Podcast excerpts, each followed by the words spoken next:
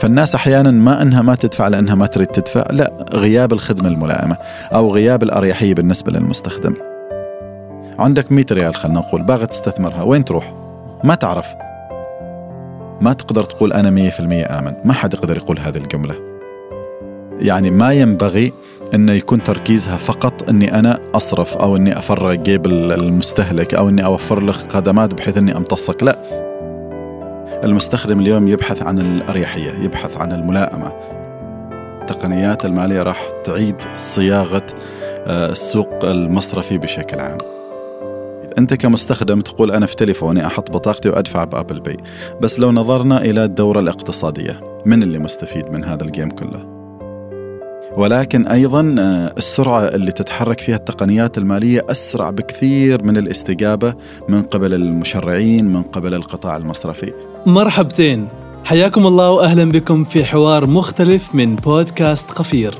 أحب أشكر كل المستمعين اللي تركوا لنا تقييم في iTunes هذا الشيء ساعدنا كثير في الانتشار والوصول لمستمعين جدد في وطننا العربي لذلك حطوا لنا تقييمكم على Apple Podcast وثقوا أن نقرأ كل التعليقات اللي توصلنا منكم. اليوم صرنا نستخدم هواتفنا في أغلب المعاملات اليومية ومنها المعاملات المصرفية عن طريق ما يسمى بالفينتك. بالعربي هي التقنية المالية ولما نتكلم عن هذا القطاع ما ممكن نستثني ضيفنا ماجد العامري مؤسس تطبيق ثواني. التطبيق الحاصل على جائزة ريادة الأعمال كأفضل شركة صغيرة في القطاع الخدمي في عمان نتعمق أكثر ونطرح أسئلتنا بحثا عن أجوبة مقنعة ومنطقية عن هذا القطاع أسئلة من قبيل هل صحيح أن التقنية المالية ستدمر قطاع البنوك؟ ما هو السبب ترددنا في تبني منصات مثل أبل باي؟ هل التقنية المالية هي تبسيط إجراءات مصرفية ولا هناك جانب ما نعرف عنها؟ وإيش يتضمن ترخيص البنك المركزي العماني الخاص بالتقنية المالية؟ وهل منصات التقنية المالية أكثر أمانا من البنوك؟ قبل اللقاء حصلنا على وعد من ضيفنا أنه يأخذنا في جولة معرفية مثرية وملهمة عن هذا القطاع المتسارع في النمو. أترككم مع ماجد العامري واستماعا ماتعا.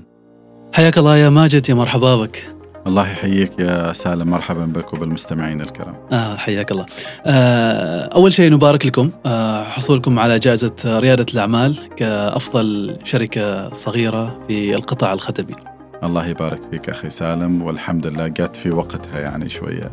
آه هذا النوع من التكريم لما يجي في وقت الضغط يساعدك شوية أنك تواصل المسير. لطيف لطيف لطيف لطيف. زين. آه ماجد اليوم آه هناك حديث عن التقنية المالية على أنها سوف تدمر البنوك كيف تنظر لهذا الشيء؟ هل تنظر له كجانب أو عامل إلهامي بالنسبة للبنوك أو تنظر له إلى أنه وسيلة تدميرية حقيقة يعني؟ آه يمكن نوعا ما كرأي شخصي أنا ما أتفق مع هذه المقولة آه أنا ما أعتقد التقنيات المالية راح تدمر البنوك ولكن شخصيا أعتقد أن التقنيات المالية راح تعيد صياغة السوق المصرفي بشكل عام. الطريقة اللي تقدم فيها الخدمات آه، يمكن ما تستمر بالإطار التقليدي الحالي.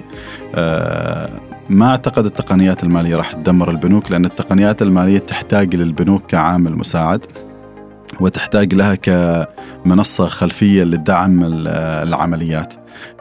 لكن التقنيات المالية في تركيزها الأساسي أنها تكون واجهة للمستخدم.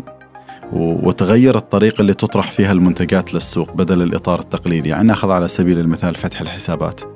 بالإطار التقليدي لازم تروح ببطاقتك وتأكيد هوية والبنك وترجع بعد يومين عشان تستلم بطاقتك أو يمكن الحين في نفس الوقت بعض البنوك ولكن في التقنيات المالية هذا كله تعمله من هاتفك.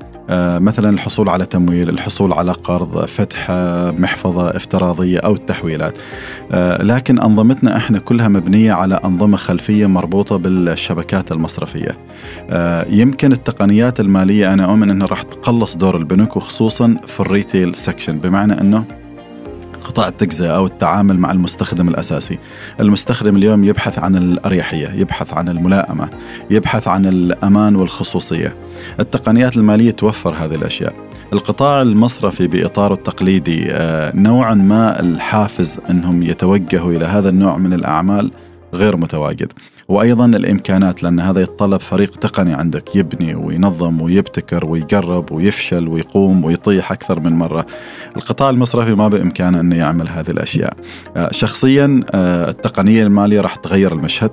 راح تدمر الطريقة اللي تقدم فيها الخدمات ولكني ما أعتقد أن التقنيات المالية راح تدمر البنوك راح تعيد صياغة أعمالها نموذج العمل يمكن راح تعيد أو تغير هيكلة البنوك والطريقة اللي يشتغلوا فيها ويمكن حتى تغير القطاع اللي يركزوا عليه. يمكن راح يركزوا على تمويل هذه المنصات وتمويل المشاريع ولكن يمكن بعض الخدمات فعلا راح يتم سلبها إلى التقنيات المالية كواجهة أمامية. طيب ما قد لما نتكلم عن إعادة صياغة بعض الخدمات المصرفية اللي تقدمها البنوك هل البنية التحتية المصرفية مستعدة للتقنيات المالية اللي جالسة اليوم آه، تستحدث وتتطور بشكل كبير؟ آه نوعا ما نعم ونوعا ما لا. آه بمعنى أن أنت اليوم تبتدي تقدم خدمات آه من ضمن الإطار الحالي نعم ممكن. ولكن اللي يميز التقنيات المالية أنها في تغير مستمر. يمكن أنتم لاحظتوا هنا هنا على مثال بسيط جدا وثواني ما زالت في بدايتها كم تحديث أنزلنا. وكم خدمة أنزلنا في إطار جدا بسيط. ولو كان علينا وبيدنا كان نزلنا أكثر من هذه التحديثات. مم. ويمكن قدمنا خدمات أكثر ولكن هي مع الوقت ويمكن هذا الجزء أو الشق اللا من الإجابة. آه نعم الإطار الحالي يسمح أنك تبني تقنيات مالية وتقدم خدمات ولكن أيضا آه السرعة اللي تتحرك فيها التقنيات المالية أسرع بكثير من الاستجابة من قبل المشرعين من قبل القطاع المصرفي. مم. ويمكن هذا هو الجانب الثاني من الإجابة. فالتقنيات المالية دائما في صراع مع المشرعين دائما في صراع مع البنية التحتية آه نوعا ما يعتبروها أبطأ من سرعتهم اللي هيشتغلوا فيها. عجيب عجيب. طيب ليش ليش عندنا في السلطنة؟ يمكن على على على على نطاق دول كثيرة يعني. تقنية مثل تقنيات أبل باي تقنية جاهزة آه الهواتف موجودة نوعا ما البنية التحتية أتصور إنها متاحة. فقط يتبقى أنه يتم تطبيقها في في في هذه الدول. ليش مثلا عندنا في السلطنة إحنا مترددين في تطبيق مثل هذا مثل هذه المنصات؟ آه الإجابة على هذا السؤال راح تكون إجابة شخصية يعني ما مبنية على معلومات مسبقة عندي ولكن أنا لي تحليلي المعين ليش فضل. آه لو دخلت أبل باي في عمان هل كانت ثواني بتوجد؟ ما كانت بتوجد كشركة عمانية ثواني اليوم يداوموا فيها 28 موظف هذا لين اليوم وكل موظف يعيل أسرته هذول الشباب فتح لهم مجال للإبداع والابتكار كل يوم يقودهم الشغف إلى المكتب أنهم يطلعوا بشيء جديد فلو وجدت Apple Pay في عمان يمكن هذا الشيء ما وجد وما نشأت شركة عمانية. آه، أنا رأيي وتحليلي إن في أكثر من شق للموضوع. الشق الأول إنك تقتل المنافسة الداخلية أو تقتل الشركات الناشئة الداخلية ما أعطيتها مجال. إحنا اليوم شفنا ثواني بس إن شاء الله بكرة يكون في أكثر من 20 ثواني أو 30 ثواني في عمان وإن شاء الله يكونوا أكثر. نفس الشيء مثلا عندنا في الدول المجاورة مثلا السعودية.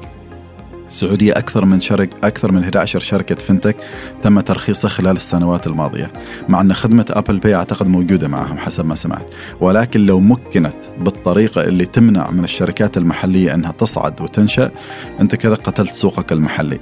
في نهاية اليوم من اللي مستفيد؟ أنت كمستخدم تقول أنا في تليفوني أحط بطاقتي وأدفع ب Apple Pay بس لو نظرنا إلى الدورة الاقتصادية من اللي مستفيد من هذا ال game كله؟ شركة غير محلية؟ عندها بياناتنا هي تاخذ معظم من رسوم المعاملات لها آه، هي اللي جالسة تكبر هي اللي جالسة تنمو. إحنا إيش استفادتنا كعمان؟ إيش استفادتنا كسوق خليجي؟ قد تكون شبه معدومة. نوعا ما الاستفادة راح تكون للمستخدم إني أنا أستخدم Apple Pay في كل مكان. ولكن أيضا المستخدم لازم ينظر إلى جوانب أخرى هناك جوانب أمنية. إحنا بياناتنا اليوم يعني عندك بعض التطبيقات آه، مثلا طلبات آه، الطعام يعرفوا معلومات عن كل مواطن أكثر من اللي تعرف الحكومة، هل هذا شيء زين؟ وهل هذا شيء آمن لبلد كاقتصاد وكإحصائيات وكأمن وأمان؟ يعني أنا شخصيا أعتقد إن في شق أمني في الموضوع لأن بإمكان هذه الجهات تطلع يعني أنت تخيل سالم أنت اليوم في جهازك ما صارت في خصوصية. يعرفوا متى تصحى يعرفوا متى تنام يعرفوا من تكلم يعرفوا وين تروح يعرفوا وين تجي. أنا وأنت الحين في الاستوديو هم يعرفوا إن أنا وأنت في الاستوديو. لو حبوا هذه المعلومة يعني. أكيد Apple ما شاغلة نفسها أنا وأنت وين. لا لكن القصد إنه لو حبوا يعرفوا هذه المعلومة يقدروا يعرفوا ال location مالي وال location مالك في نفس المكان ويقدروا يعرفوا من جالس معنا. يعني أنت تخيل كمية التمكين اللي إحنا جالسين نعطيها هذه الشركات. هذه الشركات قيمتها السوقية تجاوزت التريليونات. السبب ويش التمكين فهل إحنا راح نستمر؟ ما يكون عندنا شركات ناشئة محلية ونقتل سوقنا ونقتل قطاعنا بس على أساس إني أنا أستخدم تليفوني خدمة Apple Pay ولا خدمة Google Pay لأني أنا مستمتع. لكن في المقابل أيضا أنا لازم أنظر إلى الشركات المحلية الابتكار المحلي الاقتصاد المحلي. أنظر إلى موضوع الأمن والأمان. إحنا اليوم هذه الدول اللي تملك هذه الشركات عندها كمية معلومات عنا غير طبيعية ما تتوقعها ولا تتخيلها. أنا أنصحك وأنصح المتابعين الكرام يتابعوا على Netflix Cambridge Analytica. شركة Cambridge Analytica كانت متدخلة في الانتخابات الأمريكية وشوفوا كيف استخدموا قوة البيانات لتحوير نتائج الانتخابات. راح تخاف من ال social media إذا شفت هذا الفيلم الوثائقي. أو على شكل مسلسل أعتقد راح تخاف منه بشكل كبير يخبرك كيف بياناتنا تستغل. فهل راح نستمر إحنا نمكن هذه الشركات؟ نعطيهم بياناتنا المصرفية نعطيهم معاملاتنا المالية نعطيهم ال social media نعطيهم صورنا نعطيهم ال location. آه كل اللي سويناه إحنا قاعدين نساعد هذه الشركات تكبر وتكبر وقتلنا أنفسنا. لكن اليوم 11 شركة في السعودية تم ترخيصها. بكرة هذه الشركات ممكن يكون لها شأن كبير. اليوم ثواني في عمان وإن شاء الله أنا أدعو من كل قلبي أن يطلعوا 20 ثواني غيرهم في عمان. يشغلوا شباب عمانيين يحركوا الاقتصاد يكون لهم عائد على الناتج المحلي ويخرجوا خارج السلطنة بإذن الله. فلازم نوع من التضحية من المستخدمين وأنا ما أسميها تضحية. إيش تضحية؟ أنك تستخدم ثواني بدل ما تستخدم أبل باي أي وين التضحية هنا؟ فالشخص المتلقي أيضا لازم ينظر بأكثر من منظور. لهذا النوع من الخدمات. طيب بس أنت الآن جالس تنظر لها أنه يعني عائد اقتصادي ومعلومات وأمن. بس في الجانب الآخر يعني المستهلك يستحق خدمة أفضل يستحق يعني بدل ما يجلس يعاني أو يعني ما أقول يعاني لكن في كثير من التحديات اللي يواجهها اليوم المستهلك أمام ال أمام ال المعاملات المصرفية أو على مستوى يعني الشراء والبيع وغيره. هل إحنا قادرين نصنع هذه المنصات الأنظمة البنية التحتية على كلامك من الصفر يعني؟ نعم أخي سالم وهذا اللي إحنا قمنا فيه في ثواني وهذا اللي دشناه من يومين إذا اطلعتوا على تحديثنا الأخير يعني كان تحديث جدا فارق في الخدمات اللي نقدمها وإحنا هذا اللي نعتبره البداية الحقيقية لثواني كل ما سبق ما نعتبره بداية حقيقية لأنه كان مبني على عدم أو غياب التراخيص. ولكن فور ما حصلنا على الترخيص قدرنا نشتغل وهذا اللي قصدته في إجابة سابقة أيضا آه لما جاوبتك بنعم. ولا آه لازم التشريعات والقوانين والبنية التحتية تمشي معنا على نفس السرعة على أساس إحنا نتمكن. يمكن المستخدم في السوق ما يفهم هذا الشيء أو ما ينتبه لهذا الشيء يقول لك ليش؟ ثواني ما تنفذ هذه الخدمة. ليش؟ شركة أخرى ما تعمل هذه الخدمة. ما يعرف إن مثل هذه الخدمات أحيانا تخضع لرقابة وتشريعات وتراخيص آه، مسبقة واحيانا لا. يعني تستدعي وجود نوع معين من التقنيات أو الخدمات على مستوى البنية التحتية. آه، حتى مثل الخدمات العالمية مثل ابل وباي، أول شيء مثل هذه الشركات السوق العماني ما يستهويها كثير يعني إحنا سوق جدا صغير. أنت تتكلم على سوق ما يوصل خمسة ملايين مشترك. فخارطة الأولويات بالنسبة لهذه الشركات ما تكون عمان. تكون الدول اللي عدد السكان فيها بأرقام ضخمة. آه، أيضا عندك السوق العماني أو السوق الخليجي بشكل عام سوق متطور ولله الحمد. عادة خدمات المالية آه، يعني تنضج وتخصب في الأسواق الناشئة أو الأسواق الغير مكتملة. آه، لأن عادة تكون القطاع المصرفي غير قادر أن يلبي احتياجات السوق وغير قادر أن يصل إلى المستخدمين فتجي التقنيات المالية بتطبيق في الهاتف وتوصل للجميع. يعني دول مثل بعض الدول الإفريقية أو بعض الدول في شرق آسيا مثلا آه، يمكن يتفاجئوا المستمعين آه، ممنوع عليهم الخدمات البنكية بسبب إن ما عندهم دخل ثابت بسبب إن ما في رواتب ثابتة. فهذه الفئة يعني أرقام ضخمة مش أرقام بسيطة محرومة من الوجود في ال online space ما يقدروا يتسوقوا أونلاين ما يقدروا يحولوا فلوس أونلاين. ما عندهم حسابات بنكية ممنوع. يعني في شروط إنك تفتح حساب بنكي. إحنا في عمان ما حاسين بهذه النعمة لأن الحمد لله تدخل أي بنك تفتح حساب وتطلع ببطاقتك في إيدك وأنت مروح. لكن في دول أخرى ممنوع. الحسابات المصرفية ما متاحة للجميع. فقط الموظف اللي عنده راتب ثابت وحتى بدخل معين يسمح لهم. هنا التقنيات المالية عادة تخصب بشكل كبير. فلما تيجي على الشركات العالمية هذه أولويتها الكبرى هذه الأسواق قبل عمان أو الأسواق الصغيرة. إذا جبتهم أنت في هذه المرحلة هم ما يقولون لك لا لكن تضطر طبعا تدفع لهم الكثير تقدم. تضطر تتنازل عن أشياء كثيرة. آه راح تكون شروطهم ما شروطك أنت ولازم تتنازل عن أشياء كثيرة. فمثل ما أسلفنا يعني إذا وجد الدعم المحلي الشركات العمانية المحلية نعم قادرة وأثبتت طبعا أنا ما أتكلم عن ثواني فقط ولكن في أكثر من شركة ناشئة اليوم في عمان نفخر ونفاخر بالخدمات اللي جالسين يقدموها. وإن شاء الله هذه الشركات راح تكون قصص نجاح تلهم الآخرين وتعطيهم جرعات من الحماس والدعم إن هم أيضا يلحقوا بالركب يعني إذا نتكلم سالم خمس أو سبع سنوات وراء هل كنا نسمع عن هذا الأشياء في السوق العماني؟ لا. حتى سوق الشركات الناشئة من كان يفكر إنه يترك وظيفة ويروح يعمل له مشروع؟ أرجع عشر سنوات وراء. ما في ما في. اليوم ما شاء الله المحلات المطاعم الخدمات هذا البرنامج اللي إحنا جالسين نبثه المكان اللي أنتم موجودين فيه الشركة اللي أنا فيها وغيرها المئات يمكن إذا ما الآلاف. هذه الموجة قادمة.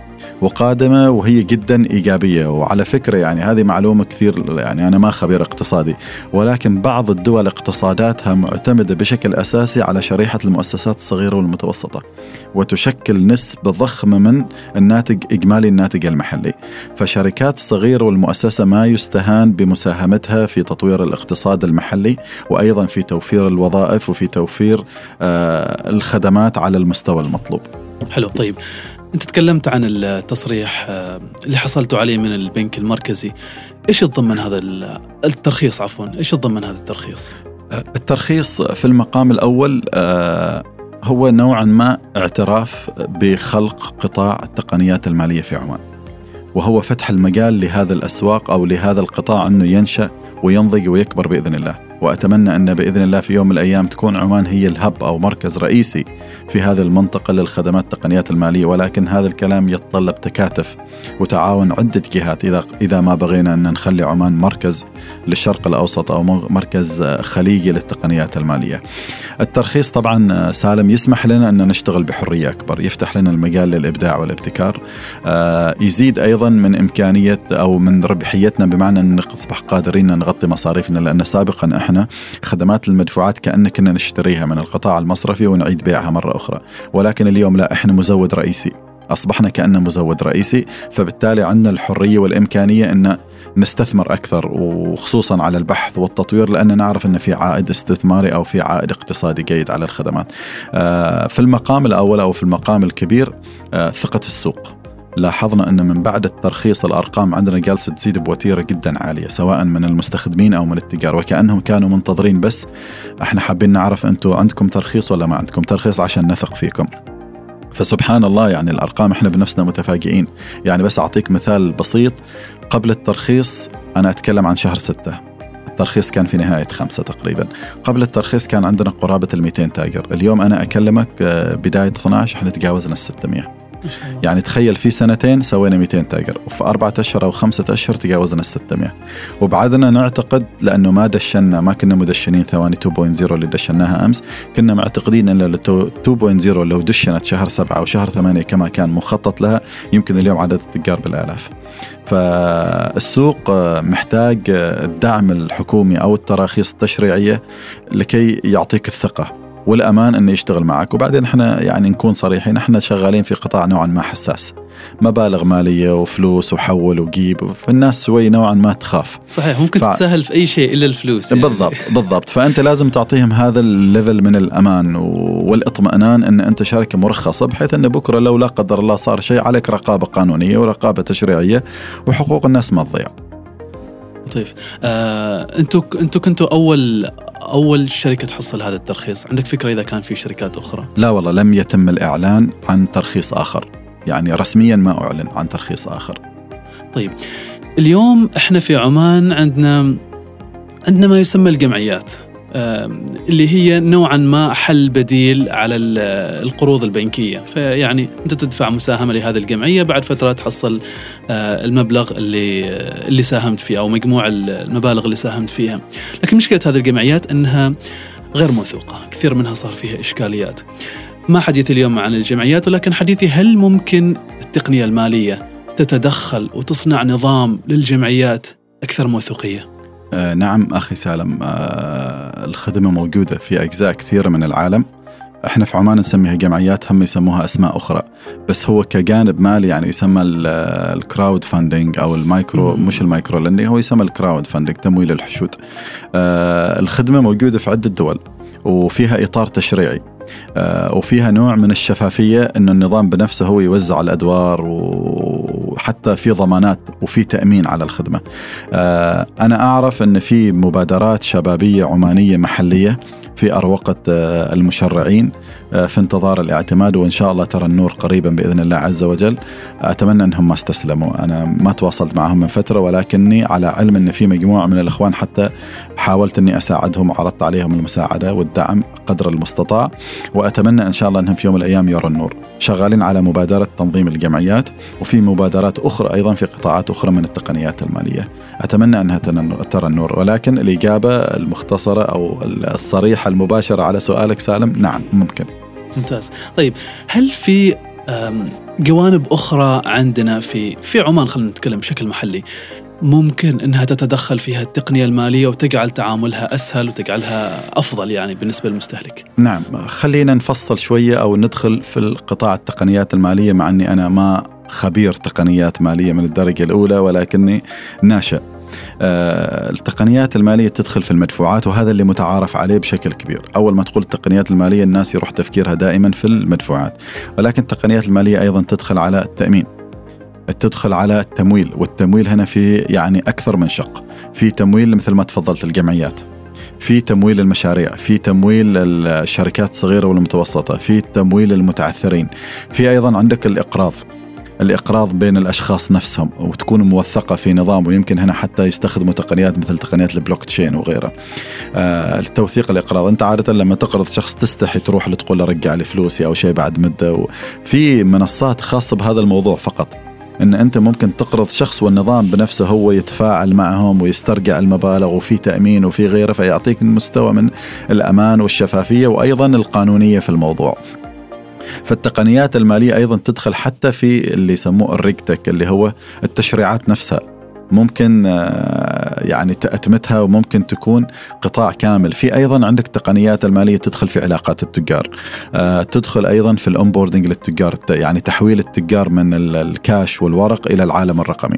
فهذه خدمة مثلا يسموها ال merchant onboarding فقط شغلتهم بيحول التجار إلى منصات وبعدين هذه المنصات تتاح لشركات أمثالنا إحنا أو للبنوك عشان نوفر لهم الخدمات. أيضا تدخل آه، يعني أنا من فترة كنت أقرأ عن ال pension tech تقاعد يعطيك خيار إن أنت مبالغ التقاعد مثلا ما تساهم في الصناديق الموجودة. تساهم في شركات تقنيات مالية هي تستثمر مبالغ التقاعد ولما تتقاعد تبدأ تعطيك حصتك منها. هذه أيضا بدأت تظهر في عدة دول وصراحه ما عندي معلومات مو مو موثوقه واب تو ديت مثلا إيش صار وين وصلوا بس فترة من الفترات في كم مؤتمر وقريت عنها إن موجة بادية تنتشر وأنت كمواطن لك الحرية ولك يعني مطلق الحرية تختار وين يروح تقاعدك. حسب التقنية أو حسب الشركة اللي أنت تثق فيها كثير هم ياخذوا المبالغ. أيضا دخلت على الاستثمار. اليوم أنا وأنت سالم. إذا عندنا مبالغ بسيطة حابين نستثمرها ما عندنا خيارات. وين تروح؟ عندك 100 ريال خلينا نقول. باغي تستثمرها. وين تروح؟ ما تعرف. وما تثق وما عندك مجال. كل في تصورنا أن لازم يكون عندك مبالغ ضخمة عشان تقدر تستثمر. هذا التصور معنا إحنا كلنا. ولكن في الواقع في شركات يعني عندك مثل روبن هود واجد مشهورة. هذه انتشرت طلعت أعتقد من أوروبا والحين ما شاء الله تغزو العالم. هذه فكرتها أيضا جريئه نوعا ما بس هي إطار استثماري وفي تطبيقات أخرى شغلها الاستثمار حتى لو عندك ريال تحطه معاهم ويستثمروا لك إياه وتحصل عوائد عليه. كل من هاتفك من تطبيق الهاتف. تحول المبلغ. الشهر الجاي حطيت لهم خمس ريالات الشهر اللي بعده عشر ريالات. فالفكرة هنا أن أنت غير محصور أو ما لازم تنتظر مبالغ ضخمة عشان تبدأ تقدر تستثمر. حتى إن شاء الله لو تخصص 20 ريال من راتبك شهريا لهذه المنصات والحلو أن فيها مستوى من الشفافية غير طبيعي. أنا اطلعت على إحدى المنصات وتفاجأت بالتفاصيل المملة. وين فلوسك؟ وكم كسبت؟ ومن وين كسبت. وين تم استثمارها؟ ويعطوك قائمة أنت وين تريد تستثمرها لأن هذه منصات أجنبية. ويعرفوا مثلا في أحيانا إحنا كمسلمين لنا حدود معينة ما نقدر يعني ما ممكن تستثمر في بارات أو في محلات. القمار أو غيره. فيعطوك خيارات أنت وين تريد تستثمر. وحتى في عندهم يعني آه، مرة قابلت شخص من أحد الشركات السويسرية يقول لي عندنا آه، أنظمة مطابقة للشريعة الإسلامية. أنت بس اختار وين تريد واشترك معانا وحول مبلغ شهري وأعرف مجموعة من الأخوان صار لهم سنين مستثمرين معاهم ومستفيدين بمبالغ جدا بسيطة. فالتقنيات المالية يعني متشعبة جدا وتدخل على قطاعات جدا عديدة. جميل جميل ذكرتني بيا أخي واحدة منصة مرة اشتركت معاهم فكرتها إيش؟ إنك أنت تقرض تقرض ناس اللي هم محتاجين يبنوا مشاريع صغيرة حالهم فبالتالي هم يرجعوا بعدين بعد فترة يرجع لك المبلغ وترجع أنت تستثمر في مشروع آخر. فأنت لما تدخل المنصه تقدر تعرف إيش إيش المشروع هذا وين واصل آه، أموره طيبة وكم سدد لك وكم بعده باقي عليه آه، تحصل صور تحصل بيانات كثيرة يعني. بالضبط. وبعد فترة تلاقي إن انت أنت ال 25 دولار هذا يعني استثمرته في ثلاث أربع خمس مشاريع يعني ويرجع لك المبلغ مرة بالضبط. ترجع تستثمر في في شيء آخر ف يعني مثل ما مثل ما تفضلت يعني مبلغ بسيط ممكن إنك أنت تسوي فيه آه، بالضبط بالضبط أخي سالم بس هنا أيضا نصيحة للمستمعين إنهم ينتبهوا وين يحطوا هذه المبالغ مم. ويتأكدوا من مصداقية وموثوقية هذه المنصات لأن أيضا في شركات وهمية فبس يتأكدوا إنها شركات أو جهات مرخصة ومعتمدة وموثوقة ويمكن يطلعوا على تجارب ناس معينين آه، قبل لا يبتدوا يستثمروا في هذه القطاعات. جميل انتقلتني إلى سؤال آخر آه، اللي هو يعني هذه الأشياء إحنا ما موجودة عندنا. فنضطر إنه يعني آه يعني تروح تروح لمنصات خارج عمان يعني. يمكن هذا الشيء ما كثير جيد لكن في الأخير هي ما موجودة عندنا يعني. بالضبط بالضبط. أيضا هنا نرجع إلى موضوعية الجاهزية التشريعية. آه، وهل في مجال ترخص هذا النوع من المشاريع؟ أنا اللي عارفه إن الحمد لله المشرعين تغيرت نظرتهم إلى قطاع التقنيات المالية وأصبحوا من الداعمين. ولكن أيضا لا يكتفي إنهم يقتنعوا فقط. يعني لازم جهات أخرى أيضا تقتنع وتدعم بدورها ويمكنوا هذا القطاع. هذا القطاع يعني إحنا نتكلم فقط. أنا أعطيك مثال على شركتين في الصين علي بابا وويتشات هذول الحين صاروا عمالقة على مستوى عالمي. قيمتهم السوقية تتجاوز يعني إذا ما خانتني الذاكرة آخر مرة قريت عن ويتشات تقريبا قريب ال 500 دولار 500 مليار دولار. يعني أرقام ما يستهان فيها وهي شركة محادثات ومدفوعات والحين توسعت إلى منصات تقنيات. اليوم في علي بابا أنت إذا فتحت يعني في الصين نسخة علي بابا في الصين يعني تقدر تقول بنك في جيبك ويمكن أكثر من بنك. آه، مرة عندي ورقة عمل متكاملة عن شركة علي بابا. حضرتها في أحد المؤتمرات تفاجأت بالخدمات اللي عندهم من ناحية استثمار من ناحية تمويل كله في التطبيق موجود. بغيت تستثمر بغيت تأمن بغيت تمويل كل شيء عندك. بغيت بس استشارة مالية بغيت أي شيء. يعني سبحان الله أكثر من مجرد بنك في هاتفك. أجيب. عشان كذا هذه الشركات قيمتها السوقية اليوم بمئات المليارات. آه، بسبب الخدمات اللي تتقدم. يمكن هم في سوق يعني ما شاء الله فوق المليار نوعا ما الكثافة السكانية مساعدة لأن إحنا كمشاريع نحتاج كثافة سكانية. الإنسانية آه، لأن هنا لأن العائد من الخدمات جدا بسيط على مستوى فردي. فأنت تحتاج أرقام ضخمة عشان تبدأ قيمتك السوقية ترتفع وأيضا تبدأ تحقق ربحية لكن على الأرقام البسيطة وأنا أتكلم حتى على مستوى السوق العماني هذه الأرقام ما تساعد أن يكون عندك نمو حاد وأن القيمه السوقية للشركة مثلا توصل إلى هذه الأرقام الكبيرة، لازم تخرج خارج السوق العماني وتبدأ تزيد الأرقام اللي عندك بحيث أن أيضا آه، تقدر كشركة عمانية توصل آه، إلى هذا المستوى من المنافسة. جميل جميل. طيب عن التقنية المالية، هل هي مجرد فقط آه، إنك أنت تسهل معاملات الناس وتسهل حياتهم أم في جانب أعمق للتقنية المالية؟ أنا شخصيا آه، أعتبر أن التقنية المالية هي قراءة أفكارك وتوفيرها في النظام أو احتياجاتك أنت كمستخدم وتوفيرها في نظام. تسهل لك حياتك. اليوم إحنا شايف سالم ما شاء الله كيف مشغولين. أنا اللي أكلمك يعني أحيانا تنتهي بطاقتي أو ينتهي جوازي أو ينتهي الليسن وأتردد بس إني أطلع وأخلي الشغل وأروح أجدد وأرجع مرة ثانية.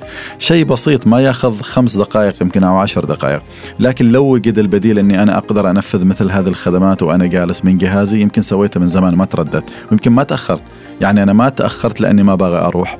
أو إني يعني الموضوع بس الملائمه الموضوع موضوع إن صارت الناس أكثر مشغولة صارت الناس تحب الشيء السهل والسلس والسريع.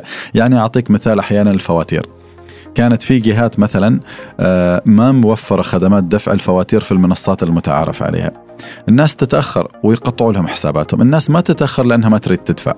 بس الناس تتأخر لأن ما في خيار لازم أروح صالة أدفع ويمكن خيار أو خيارين فقط وامسك للدفع. طابور وامسك طابور أو انه يمكن خيار أو خيارين أنا ما سمعت عنهم، لكن بينما في جهات أخرى لما أتاحت قنوات دفع الفواتير تقريبا في كل تطبيقات البنوك، في كل تطبيقات التحصيل الأخرى راحت هذه المشكلة، فالناس أحيانا ما إنها ما تدفع لإنها ما تريد تدفع، لا.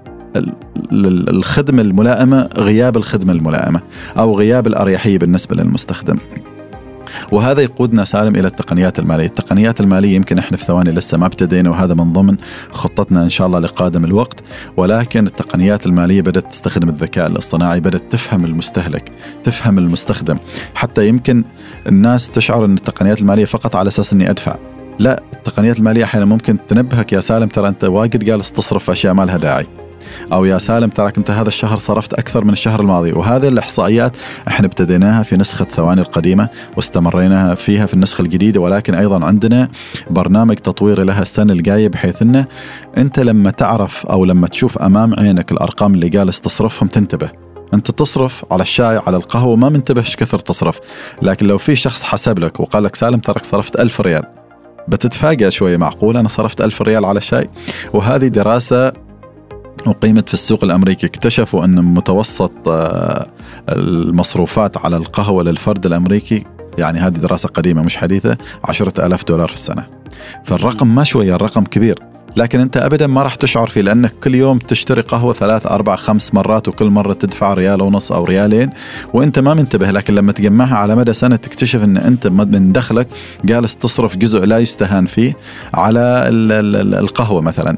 وطبعا هنا ما نقدر نقول إن هذا غلط لأني أنا أيضا من محبي القهوة وأقول القهوه تستاهل تستاهل. فبس إيش النقطة اللي بغيت أوصلها سالم؟ إن التقنيات يعني ما ينبغي انه يكون تركيزها فقط أني أنا أصرف أو أني أفرغ جيب ال- المستهلك أو أني أوفر له خدمات بحيث أني أمتصك. لا لازم يكون لها دور إرشادي. بحيث إني أيضا أساعدك. توفر أساعدك آه، يعني أنا مثلا لو أتحت لك منتج يخطط ان تجديد سيارتك بعد سنة وأبدأ شهريا أخذ منك كمية بسيطة ما تتفاجأ يوم تجديد السيارة إن أنت ما عندك المبلغ الكافي. يمكن أنا أفاجئك وأقول لك خلاص ما لازم. أنا جمعت لك شهريا والحين المبلغ موجود. لا وبعد جبت لك quotation من التأمين عليه discount عجيب. هذه الخدمات هذه المراحل اللي إحنا نسعى نوصل إليها في ثواني. إحنا ما زلنا في بداية رحلتنا. اللي اطلقناه أمس أو أول أمس نظام ثواني هذه هي البداية الحقيقية والفعلية لنا.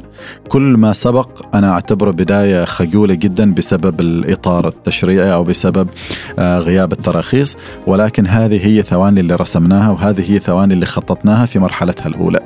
يعني هذا كان المفروض ينزل أول يوم إحنا نزلنا فيه في السوق. ولكن آه الحمد لله أن تصل خيرا من أن لا تصل أنت صح. القادم بإذن الله أجمل وإحنا عندنا خطة جدا جريئه وجدا طموحة لتوفير هذه الخدمات مش فقط على السوق المحلي ولكن أيضا على الأسواق المجاورة. جميل جميل اليوم التقنيات المالية ماجد تواجه تحدي وهو تحدي القرصنة على حال أي نظام أو منصة موجودة أو قائمة على, على الإنترنت كيف اليوم آه، المنصات أو التقنية المالية تقدر تكسب ثقة الناس في مجال أو في في إطار هم جالسين يواجهوا تحدي القرصنة آه، كل تقنية أو كل خدمة لها ما يميزها ولها ما يشوبها يعني لها ال- الإيجابي والسلبي. يمكن آه، نرجع شوية لورا. قبل البنوك كانت الناس تحتفظ بالمبالغ أو البيوت في- في بيوتها في مندوسه صح. وصحاره أو هذا. زين كثرة السرقات خافوا نشأت البنوك قامت الناس تحط فلوسها في البنوك آه، بداية البنوك ما كانت تؤسس وتؤطر بالإطار اللي إحنا اليوم نشوفه. أيضا زادت السرقات في البنوك. فلو نرجع أنا وياك على هذاك الزمن وأنا أخيرك أقول لك سالم روح حط فلوسك في البنك تقول لي لا ما أريد البنك الفلاني امس سرقوه. اقتحموه بالليل كسروا الدريشة وما كان في خزنة كبيرة. يعني في بدايتها ما كان في هذه الإجراءات الأمنية. مم. وسرقوا الفلوس اللي فيها أنا ما أريد بنوك خدمة البنوك. دائما في كل مرحلة وفي كل فترة في إيجابيات وفي سلبيات. ولكن هناك في توصيات أمان. في توصيات ومعايير أمنية معينة. إذا أنت اتبعتها أنت في بر الأمان. لو اطلعت على الإحصائيات. الإحصائيات آه، مرة قريت في أحد المقال عن أمن المقالات عن أمن المعلومات. إن الشركات اللي تتبع التوصيات الأمنية أقل من 20% حول العالم. اللي. تتبعها بحذافيرها بشكل يومي. قد تكون مرخصة ولكنها ما تتبع. يعني أنت أنا أرخصك اليوم لكن بكرة رجعت على ممارساتك القديمة وقبل لا أجي أرخصك السنة الجاية تبدأ ترجع مرة ثانية لأنك مستعد للتدقيق. هذا ما يعتبر ممارسة أمنية لأن أنت فقط تسويه عشان تحصل على الشهادة ما تسوي عشان تحمي نفسك. يعني في الأيام العادية لما المدققين ما موجودين أنت ماخذ راحتك وفي الأيام اللي المدققين موجودين أنت ترتب بيتك على أساس أن يعطوك الشهادة. أقل من 20% اللي متوافقين بشكل يومي مع الإجراءات الأمنية. ومن هذا اللي أقل في العشرين في المئة ما في أثبت عليهم عملية نصب واحتيال أو عملية اختراق. طبعا هذه إحصائيات ما أدري دقتها وقوتها ولكن أنا بنفسي أيضا ما سمعت أن في جهة متبعة التعليمات بحذافيرها بشكل يومي تضررت. وعادة هذه الجهات لو قدر إنها تتضرر عندها إجراءات وقائية بحيث أن الضرر يكون أقل القليل. فالنقطة اللي أريد أوصلها أخي سالم أنه إذا اتبعت التوصيات العالمية تقنية المعلومات ما مجال جديد ما نشأ أمس ما نشأ أول أمس. وهناك من هم يعني أهم من ثواني أو أخطر من ثواني. إحنا نتكلم على بنوك بتريليونات الدولارات تقريبا عندهم يعني وضعهم أخطر منها. ما قادرين يحموا نفسهم. هناك بيانات حكومية هناك بيانات سرية هناك بيانات أمن معلومات هناك بيانات مواطنين أو أسرار دول أو غيرهم. ما قادرين يحموهم قادرين يحموهم بس لأنهم ماخذين احتياطاتهم بشدة لأنه خايفين. هذه معلومات حساسة وهناك من يتهاون.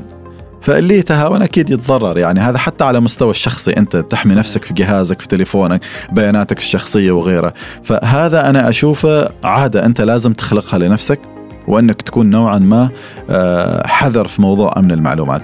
إحنا الحمد لله نتبع التعليمات. لكن مهما سويت أنت دائما نقول وفوق وفوق كل ذي علم عليم. لكن هذا العليم هل هو فعلا يخلي العالم كله ويجي يركض حال ثواني لو أتيحت له الفرصة؟